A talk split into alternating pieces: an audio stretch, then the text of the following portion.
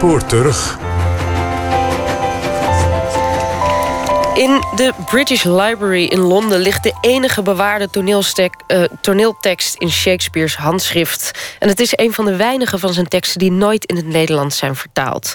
Het is een toespraak van Thomas More uit het gelijknamige toneelstuk waaraan Shakespeare heeft meegewerkt op bescheiden schaal. In die speech roept Thomas More de Londenaren op om zich het lot van de talloze vluchtelingen in de stad aan te trekken. Het is een overtuigende speech die de vreemdelingenhaat voor een tijdje tempert. In deze spoor terug gaat Matthijs Deen op zoek naar het wonderlijke, tijdloze verhaal van Shakespeare en de vluchtelingen. Gemonteerd met Alfred Koster. Het is oda kell figyelni, mert ez borzasztó. Emberek, ennyi. Segíteni kell.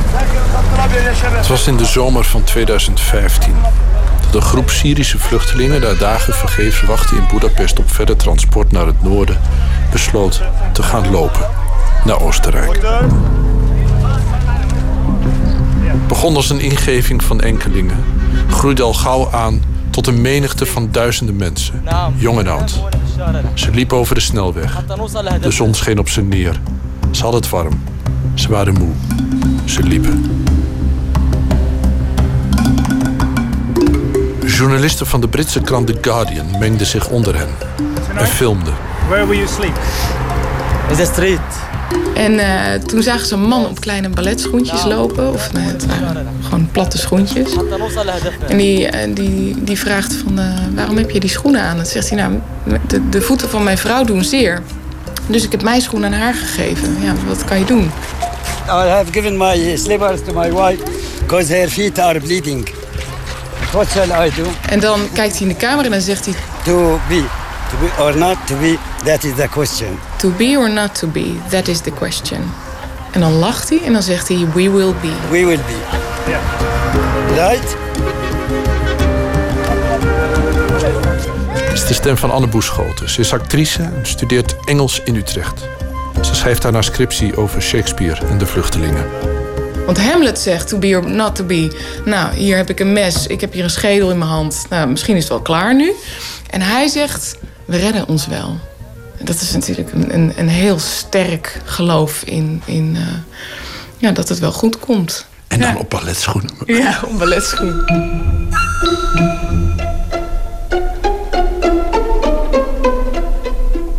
Hamlet citeren onderweg naar West-Europa. De mensen die daar van Boedapest naar het noorden liepen... kwamen uit alle lagen van de bevolking van Syrië. Ook uit goed opgeleide kringen. Mensen die Engels spreken en Shakespeare kennen. Zoals deze man. Zijn hart was er kennelijk al. Alleen zijn lichaam nog op zijn slippers. To be or not to be. We will be. Right? Wat doe ik hier? Mag ik bestaan? En waar, waar dat in Hamlet... Uh, heel erg gaat over van ja, heeft mijn leven wel zin? Kan ik het verschil wel maken? Uh, of moet ik maar verdwijnen, want ik heb er eigenlijk niet zo'n zin meer in als er zoveel onrecht in de wereld is. Vluchtelingen die zitten in zo'nzelfde soort impasse. Ze, ze moeten weg, ze kunnen niet blijven, maar ze zijn ook niet welkom. Uh, ze, ze, weten dat ze uh, worden gezien als overlast. En die vraag die komt daarin dus heel erg naar. Kan ik me voorstellen dat die heel erg naar boven komt. En dat merk ik ook als ik ging zoeken naar ja, to be or not to be en vluchtelingen dan uh, kom je er opeens op uit dat Hamlet is opgevoerd in een, een vluchtelingenkamp in de uh, Zatari Desert. Er is een, een regisseur die is gewoon met kinderen Hamlet gaan doen.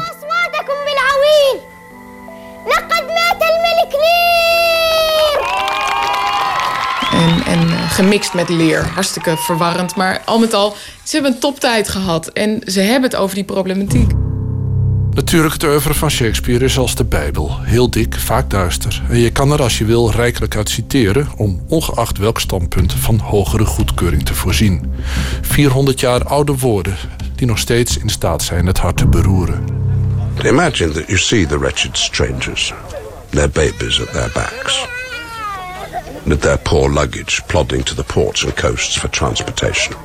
Ik hoorde het voor het eerst gebeuren bij een podcast van de Amerikaanse comedian Mark Maron, die de Britse acteur Ian McKellen op bezoek had. Ian McKellen, u weet wel, Gandalf. Fly, you fools. Het interview is bijna afgelopen. Mark Maron is bezig af te ronden. En dan zegt McKellen, zonder daartoe te zijn uitgenodigd, dat hij een stuk Shakespeare wil doen. Uh, I'm going to give you a bit of Shakespeare. Okay. I'm going to give you a little present. Thank you. En hij legt uit dat het uit Thomas More komt. Stuk waaraan meerdere schrijvers hebben gewerkt, maar waarvoor de hulp van Shakespeare is ingeroepen om de toespraak van Moore te schrijven. Een toespraak voor een opgewonden menigte van Londenaren die het hebben voorzien op vluchtelingen die zich in de stad hebben gevestigd. En die, zoals hun voorman heeft duidelijk gemaakt, banen afpakken en het hebben voorzien op de Engelse vrouwen. De menigte roept dat de vreemdelingen moeten worden uitgezet. En dan verschijnt Thomas More, die verantwoordelijk is voor de orde in de stad. Hij maant de boze menigte tot stilte en hij begint te spreken. Goed dan, zegt hij. Grant them removed. Stel je voor dat we ze uitzetten. And grant that this your noise hath chid down all the majesty of England. Imagine that you see the wretched strangers, their babies at their backs, with their poor luggage plodding to the ports and coasts for transportation. And that you sit as kings in your desires, authority quite silenced by your brawl, and you in ruff of your opinions clothed.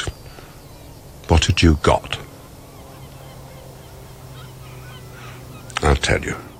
Wat ik mooi vind aan de tekst is dat hij. eh, Wat mooi is aan heel veel van Shakespeare's teksten, is dat hij dingen omdraait. Dus dat hij zegt: Oké, je hebt de vluchtelingenproblematiek, maar ergens gebeurt het in die speech dat het omklapt. En dat opeens de rebellen die hij voor zijn neus heeft, worden de vluchtelingen. Doordat hij zegt: Ja, maar stel je nou voor dat het nou verkeerd uitpakt, dit. Jullie. eh, jullie zijn in feite nu crimineel bezig, dus je wordt straks misschien aangepakt. En wat nou als de koning dan zegt: Nou, ik heb het eigenlijk wel even gehad met jou. Ik wil eigenlijk wel dat je vertrekt. Whither would you go? What country, by the nature of your era, should give you harbour? Go you to France? Or Flanders, to any German province, Spain, or Portugal? No, anywhere that not adheres to England. Why, you must needs be strangers. Maar dan ben jij toch opeens een vluchteling. En waar ga je dan naartoe? Ga je dan naar Vlaanderen? Ga je dan naar Duitsland? Waar ga je dan naartoe? En hoe zullen die mensen jou ontvangen? Maar dat is interessant. Hoe hij het zo voor elkaar krijgt dat hij een realistisch moment pakt en zegt: Ja, maar dit kan jullie ook gebeuren. Whet their detested knives against your throats. Spurn you like dogs. And like as if that God owned not nor made not you. What would you think to be thus used? Het is eigenlijk de formule van het tv-programma Rot op naar je eigen land... waarin een handjevol Nederlanders de rol omdraaien... en de reis van de vluchteling maken tegen de stroom in. Alleen dit is niet de EO, dit is Shakespeare. Ruim 400 jaar geleden, Londen, de jaren 90 van de 16e eeuw. Want zo oud is het stuk. Hoe kwam Shakespeare daarop? Waarom schreef hij dit en waarom schreef je het zo? Wie waren de vluchtelingen waar hij het over had? Het toneelstuk gaat dus over het begin van de 16e eeuw. Eh, de ambtsperiode van Henry VIII met ehm, Thomas More nog steeds als, hooggeplaatste burger van Londen. Voordat hij dan doorbreekt en ehm, de rechterhand van de koning wordt. Wat hem ook fataal wordt. Ehm, dat het stuk speelt in het, eh, onder Hendrik VIII. En over een opstand tegen de Italianen van Lombard Street. Dit is de stem van Ton Hoenselaars. Hoogleraar vroeg Engelse literatuur in Utrecht. En toen de censuur het gelezen heeft, hebben ze gezegd: dit kan zo niet. Eh, je kunt niet een opstand tegen buitenlanders en vluchtelingen op het toneel tonen, want dan gaat de hele stad Londen dat nadoen en is maatschappelijke rust ver te zoeken. Toen heeft hij het manuscript teruggegeven aan het gezelschap. En ehm, toen heeft men, dat is de, het vermoeden, Shakespeare gevraagd om die monoloog van Thomas More erin te zetten, zodat het stuk dan misschien niet de opstand eruit schreef, maar wel ehm, duidelijk maakte dat het voor juiste Engelse burgers niet goed was om tegen eh, vluchtelingen in opstand te komen. Dus dat de speech die men van Shakespeare heeft gevraagd, de monoloog, dat ehm, die de balans herstelt in het stuk. In feite waren er al een aantal mensen met een stuk bezig en ze kregen problemen ermee. En toen is aan Shakespeare gevraagd: kan je er niet een soort dekseltje bij schrijven? Exact. Dat is precies zoals het is gegaan. En toen is het teruggegaan naar de censuur en het is nooit opgevoerd. Dus we weten ook niet of het uiteindelijk wel goedgekeurd is. Dit gedoe met de censuur speelt zich af in 1592, 1593... terwijl de opstand die in het stuk voorkomt, bekend als Evil Mayday... toen al 75 jaar geleden was.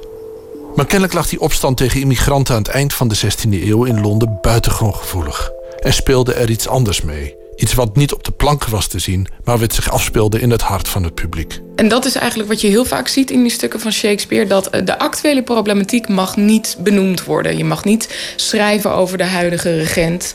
Dus je moet een situatie pakken wat je eigenlijk heel mooi kan aanpassen, zodat iedereen wel begrijpt waar het over gaat. En het is een soort van afspraak. Je, je noemt, benoemt het niet letterlijk, maar je benoemt een verhaal wat er toevallig wel heel erg op lijkt dat is hierin absoluut ook het geval. Dat er dus ja, vluchtelingen een rol spelen waarvan iedereen wel weet dat dat uh, die hugenoten waren.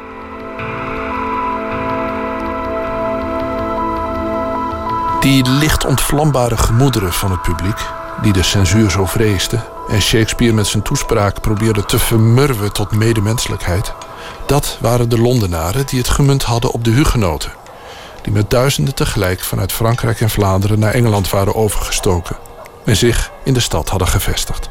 Af en toe liet de Britse overheid met name in Londen vaststellen in welke wijken de vreemdelingen waren. En op basis daarvan hebben we wel een indruk van hoeveel vluchtelingen dat waren. Dat waren enkele duizenden vluchtelingen, met name uit Frankrijk. Die waren gevlucht voor de godsdienstoorlogen. David van der Linden doet al jaren in Groningen en Cambridge onderzoek naar de vluchtelingen van de 16e eeuw, de hugenoten. Die begonnen eigenlijk al in de jaren 1530, 1540. Toen het Calvinisme opkwam en de katholieke kerk daar natuurlijk weinig uh, zin in had. En die mensen begonnen te vervolgen. Maar dat wordt allemaal eigenlijk een graadje erger in het jaar 1572.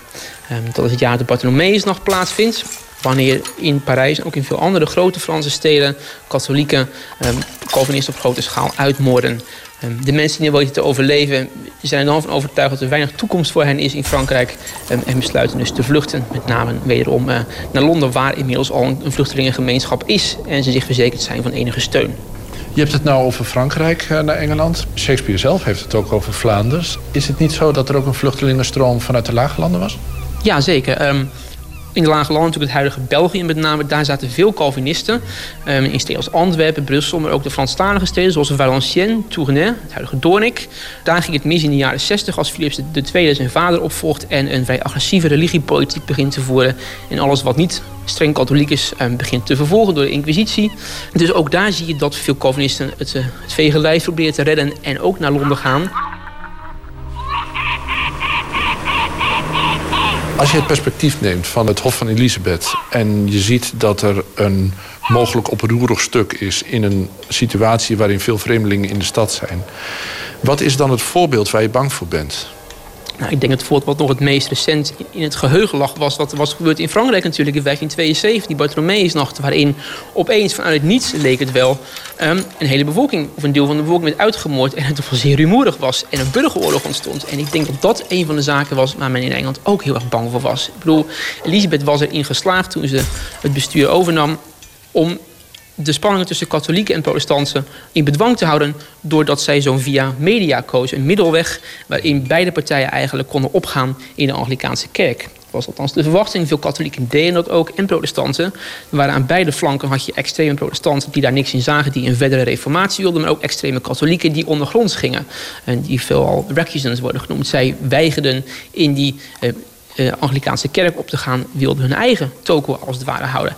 Daar was men heel bang voor um, dat die mensen zouden gaan radicaliseren met steun van buiten, van Spanje, van de paus, um, ook steun van de Franse vorst, je wist het maar nooit. En dat dat dus weer opnieuw tot een burgeroorlog kon leiden. Ja, en je wist maar nooit wie er onder die vreemdelingen zaten. Al die mensen claimden wel degelijk hugenoten te zijn, maar ja, er was er niet gezegd dat er ook wel wat agenten van de Franse vorst tussen zaten. Of andere um, onbetrouwbare types. Dus was, denk ik was de dood dat die spanningen ook in Londen uit de hand konden gaan lopen. Kijk, voor zedeprekers ging men naar de kerk. Naar het theater ging men voor iets anders. Voor moord en doodslag, voor intrige, voor de slechterik. En die zat ook in dit stuk. Hij heette Lincoln. Was een man uit het volk. De oproerkraaier, de stemmingmaker. Hij heeft een, een soort pamflet geschreven en dat geeft hij aan een dominee. En die dominee die gaat dat implementeren in zijn preek. En in dat pamflet zegt hij: bescherm jezelf en uh, pak de vluchtelingen aan. En dat is eigenlijk de, de basis van zijn pamflet. hij zegt ook: hoe kan het zo zijn dat, dat vluchtelingen het eten pakken van onze stervende kinderen en, en uh, je vrouw, of dat, dat, zegt hij hier ook. En the not that our wife. Dus één pakt er het eten en de ander pakt er je vrouw. Degene die naar het theater gaat aan het eind van de 16e eeuw, die weet, in het verhaal gaat dit over 1517, mm -hmm. maar wij weten wel beter, het gaat eigenlijk over nu. Exact. Wat shall I do? De parallellen liggen voor het opnemen, zo lijkt het. Or not. Toestroom van vreemdelingen. That is the question. Op de vlucht voor oorlogsgeweld en vervolging. We will be. De bezorgde bevolking die de instroom vreest. Die bang is dat het vertrouwde leven wordt ontwricht. Het is een fijne plek om te wonen en dat gaat nu verloren. De voormannen die garen spinnen bij de onvrede. Mevrouw de voorzitter, genoeg is genoeg. En daarmee het zittende gezag uitdagen. Waar die minister-president niet over spreekt. Het oproer op straat. Op. Ik zou dus die hele ME-bus in de brand steken met die gasten erin. En dan de asielzoekers erachteraan. De sussende woorden. De oproep tot empathie. Stellen Sie sich mal vor, wir würden jetzt alle miteinander erklären, wir schaffen es nicht. Ähm, und dann? You must be strangers. Misschien wordt het tijd eens te luisteren naar die toespraak van Thomas More. Die overigens op de eerste meidag van 1517 echt met de opstandelingen heeft gesproken. Die hun voorman Lincoln, die echt bestaan heeft, echt heeft overgehaald om zijn oproer te staken. Vergeefs overigens. Grant them removed. And grant that this your noise hath chid down Stel je voor dat we ze het land uitzetten. En dat je kabaal het gezag van Engeland overstemt. En stel je voor dat ze vertrekken. De miserabele vreemdelingen met hun baby's op hun rug... en hun armzalig bagage ploeterend naar de havens en kusten voor transport. En dat je daar zit als koningen omringd door je welvaart. Het recht verstomd door jouw geschreeuw. En jij trots als een pauw, getooid in je overtuigingen. Wat heb je dan? Ik zal het je zeggen. Je zou laten zien hoe doortastende arrogantie de boventoon krijgt. Hoe orde ondermijnd wordt en hoe naar dit voorbeeld ook jijzelf je oude dag niet halen zal. Omdat andere schurken met hun eigen sympathieën, met zelfde hand, zelfde reden, zelfde recht zich zullen vergrijpen aan jou. Omdat mensen elkaar als haaien zullen verslinden. Luister naar mijn voorstel. Vrienden. Was je bezoedelde geest met tranen en hef je handen niet als rebellen op tegen de vrede, maar voor de vrede. En maak van je oneerbiedige knieën je voeten door te knielen om vergeven te worden. Want vertel me, welke voorman van verraders kan een oproer sussen? Wie gehoorzaamt een verrader? En hoe welluidend is een preek als je een rebel nodig hebt om een rebel aan te wijzen? Je wil vreemdelingen omleggen, vermoorden hun keel doorsnijden, hun huizen innemen en het recht zo buigen dat je hun kunt afmaken als honden. Maar stel dat de koning genoeg krijgt van jouw overtredingen en je daarom verband, waar ga je dan naartoe? Welk land biedt jou een veilige haven? Ga je naar Frankrijk of Vlaanderen? Naar een Duitse provincie, naar Spanje of Portugal, om het even welke plek dan ook die niet Engeland is? Daar zul jij een vreemdeling zijn.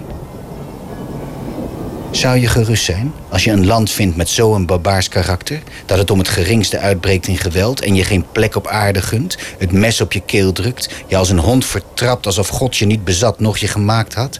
Nog dat de eisers een spoor van meeleid tonen voor jouw ongeluk... maar je nog groter ongeluk bezorgde? Wat zou je denken wanneer je zo behandeld werd? Dit is het dilemma van de vreemdeling. En dit onze kolossale onmenselijkheid. This is the stranger's case. And this your mountainish inhumanity. Wanneer Shakespeare daar die speech in dat toneelstuk schrijft, um, helpt die collega's. En ik denk ook dat hij ermee verdiend heeft. Maar je kunt wel uit de, de tekst, wanneer je die hoort, opmaken dat, dat het kaliber heeft en dat, dat het een, een beroep doet op menselijkheid op een manier dat andere toneelstukken dat in de periode niet doen. Dat het dus een hele aparte stem is ook. Vind je het goed? Ja, dat vind ik, vind ik. Die is heel erg goed. En misschien het beste wat in, in het stuk zit. En dat is dat niet een cliché uh, manier om, om Shakespeare weer de grootste te maken. Maar het heeft kaliber wat, wat de rest van het stuk eigenlijk mist. Kan je daar iets meer over zeggen? Hoezo kaliber? Wat... Nou, de, de, dat wanneer ik dit zie, dan uh, merk ik dat de, de tekst, in dit geval althans, de fantasie aanspoort. Dat het zegt van, stel je nou eens voor. Dus dat, dat je het publiek niet alles voorgekoud geeft... maar dat je het zelf aan het werk zet en probeert te ja, in een bepaalde staat te brengen. Dat is zo anders van de rest van het stuk... waarin zaken gewoon recht voor zijn raap worden gezegd. Je bent enigszins bekend met het wereldbeeld uit die tijd. De manier waarop de mensen dachten. De manier waarop mensen aan te spreken waren. Op wat ze belangrijk vonden en hoe ze tot oordeelsvorming komen. Nou hoor je die speech. Heb je het idee dat dat gewerkt zou kunnen hebben in die tijd? Heel moeilijk. We weten dat het stuk nooit is opgevoerd natuurlijk. Dus dat maakt het allemaal erg complex. Um, we weten wel degelijk dat um, de overheid vaak gebruik maakte van kanalen om het volk te beïnvloeden. Um, het meest geëigende kanaal daartoe was de preekstoel. je laat een predikant een verhaal houden waarin je oproept tot ja, verzoening. Laten we de kanten nou bewaren met z'n allen. in hoeverre het theater daarvoor ook kan worden gebruikt, vraag ik me af. Ik denk dat het heus wel geprobeerd zou kunnen zijn. er was immers censuur, dus als de overheid vond dat iets niet door de beugel kon, kon je het gewoon verbieden de andere kant proberen mensen aan te moedigen een bepaald stuk te schrijven om zo de opinie te beïnvloeden, is wel erg moeilijk, um, denk ik. Ook omdat die theatermakers aan de andere kant gewoon geld wilden verdienen. Een predikant hoefde geen geld te verdienen, die kreeg zijn salaris wel. Maar een theaterstuk, bedoel, Lord Admiral's Man en Lord Strange Man, die mensen moesten gewoon geld verdienen.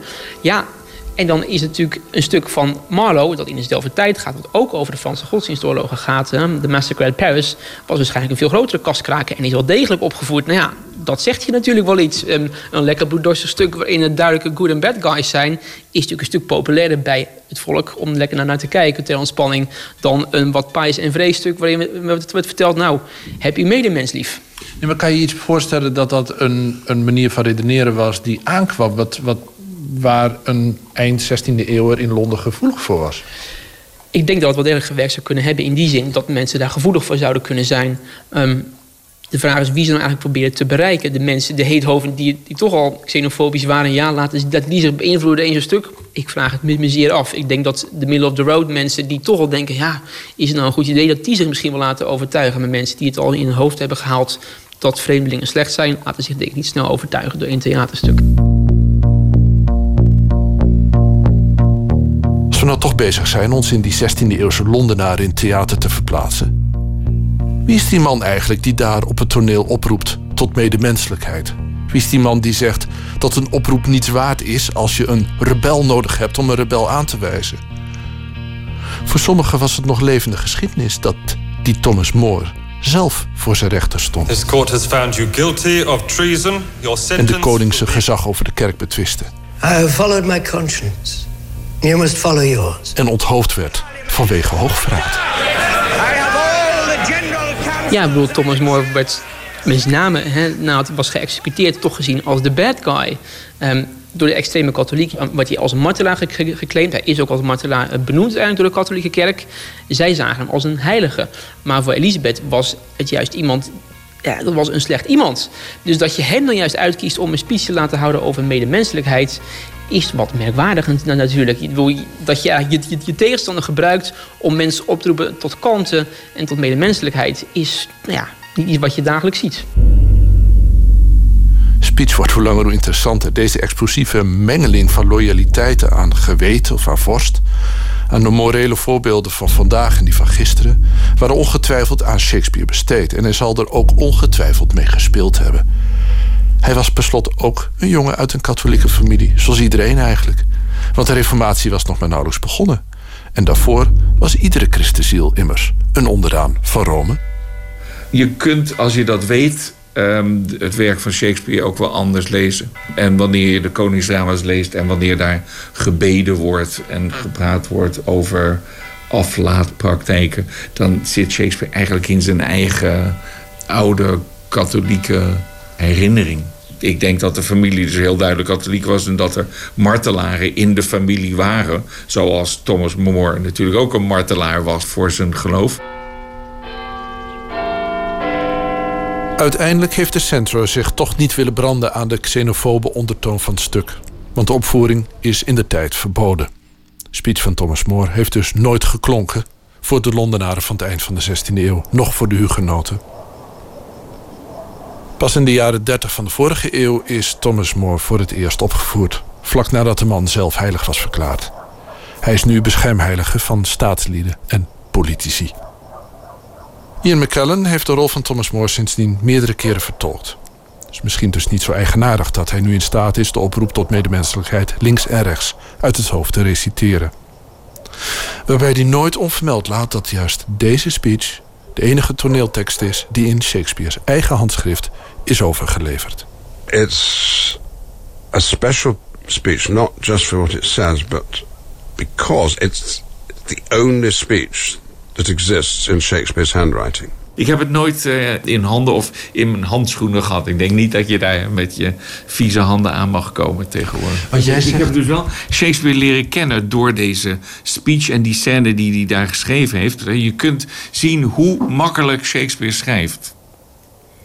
Uh, Shakespeare heeft dan de opdracht, doe die speech. En dan moet dus iemand, moet Thomas More vragen... wil je alsjeblieft uh, ons even helpen? En uh, dan doet hij dat even snel. Dan, dan staat er in de kantlijn OTH, other. Iemand anders. Weet hij nog helemaal niet wie dat zou moeten zijn in het stuk... want heeft hij nog nooit gezien. Hij doet alleen die speech. En dan komt die andere persoon weer. Dan staat er weer OTH. En dan nog verder zie je O... En dat is bij Shakespeare, dan zie je dat hij zo snel schrijft... dat hij nog niet eens tijd heeft om OTH als afkorting voor other... of, of, O. Zie je dan in de kant. En hoe doet hij dat toch? You'll put down strangers, kill them, cut their throats... and lead the majesty of law in Liam to slip him like a hound... Say now, the king, as he is clement, if the offender mourn, should so much come too short of your great trespass as but to banish you. Whither would you go? Is het een persoonlijk stuk, denk je? Of kan je in die termen niet over Shakespeare nadenken? Ik denk dat het, uh, dat het wel kan. Um, ik geloof dat, dat uh, wat Thomas More hier zegt... dat dat voor een groot deel komt uit de pen van iemand die van de wereld houdt en van mensen houdt en gelijkheid nastreeft. Dat wil niet zeggen dat ik mijn studenten dag in dag uit moet vertellen dat um, Shakespeare seksistisch is, um, antisemitisch avant la lettre, dat hij uh, racistisch is en dat je niet klakkeloos de tekst moet accepteren omdat Shakespeare groot zou zijn. Would you be pleased to find a nation of such barbarous temper that breaking out in hideous violence would not afford you an abode on earth? Whet their detested knives against your throat. Spurn you like dogs, and like as if that God owned not nor made not you? Ik denk dat je zoiets niet kan schrijven als je niet op de een of andere manier er een beetje sympathie mee hebt of gewoon de situatie heel goed begrijpt. Want dat is, dat is wat hier uitstraalt, nog ongeacht zijn mening. Want ik, ik durf niet zo ver te gaan dat ik zeg het is een lefty en hij zegt uh, AZC welkom. Daar durf ik me niet aan te branden. Maar hij begrijpt de situatie wel en hij begrijpt dus ook wat er binnen dit stuk nodig is om uh, een bepaald gedeelte. Dat is ook heel economisch. Ik denk dat als we nu kijken hoe kunst wordt gemaakt, dan merk je ook dat er bepaalde economische beslissingen worden gemaakt. Van nou, het is voor mij nu heel handig om, om deze uh, fotoserie zus te maken, omdat ik weet dat het dan wordt afgenomen en verkocht wordt. Dus daarom helemaal toen, um, toen er nog geen subsidies waren, ja, was je genoodzaakt om daarin uh, ja, voor wat hoort wat en, gewoon zo'n soort van wisselwerking. Dus ik denk dat je daar niet aan ontkomt dat uh, er waarschijnlijk iemand heeft gezegd: William, kom, we hebben nog iets nodig. En het moet een, het moet een beetje pamfletistisch zijn. Het moet het, moet het, het, het goede van Thomas More laten zien. En uh, nou, we hebben hier uh, een aantal rebellen. Kan, kan je daar wat van brouwen? Nou, dan gaat hij daarvoor zitten. En ik vind dat hij, dat hij behoorlijk goed heeft gedaan. Dus hij heeft zich er niet uh, met een Jantje van Leiden van afgemaakt. Dus het, dat nee, maar het had net zo goed gekund dat, dat, dat hij gevraagd werd... kan, je dat, kan je de rol van Lincoln dus een beetje aanscherpen? Ja, dat, en dat dat, dat, dat, dat heel goed gekund. Misschien heeft hij dat wel gedaan. We hebben niet zijn hand handschrift. Maar misschien heeft hij ook wel delen van Lincoln geschreven. Ik vind dat pamflet van Lincoln ook heel, uh, heel treffend. En dat vind ik ook mooi. Dat, dat zie je veel in het werk van Shakespeare. Dat hij ook de mensen die het misschien niet bij het rechte eind hebben, aan het eind. Uh, dat, dat hij ze toch wel bedeelt met hele mooie zinnen en hele mooie overdenkingen. What would you think to be thus used? This is the strangest case. And this your mountainish inhumanity.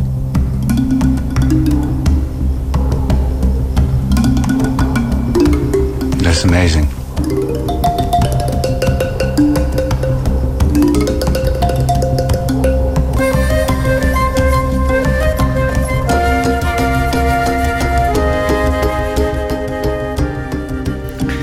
Dit was het spoor terug over Shakespeare en de vluchtelingen van Matthijs Deen, gemonteerd met Alfred Koster. U hoorde Marcel Hensema als Thomas More in een vertaling van Anne Boeschoten. De stem van Ian McKellen komt uit de podcast WTF van Mark Maron. Vanaf 15 april zal het manuscript van Thomas More's speech te zien zijn in de British Library.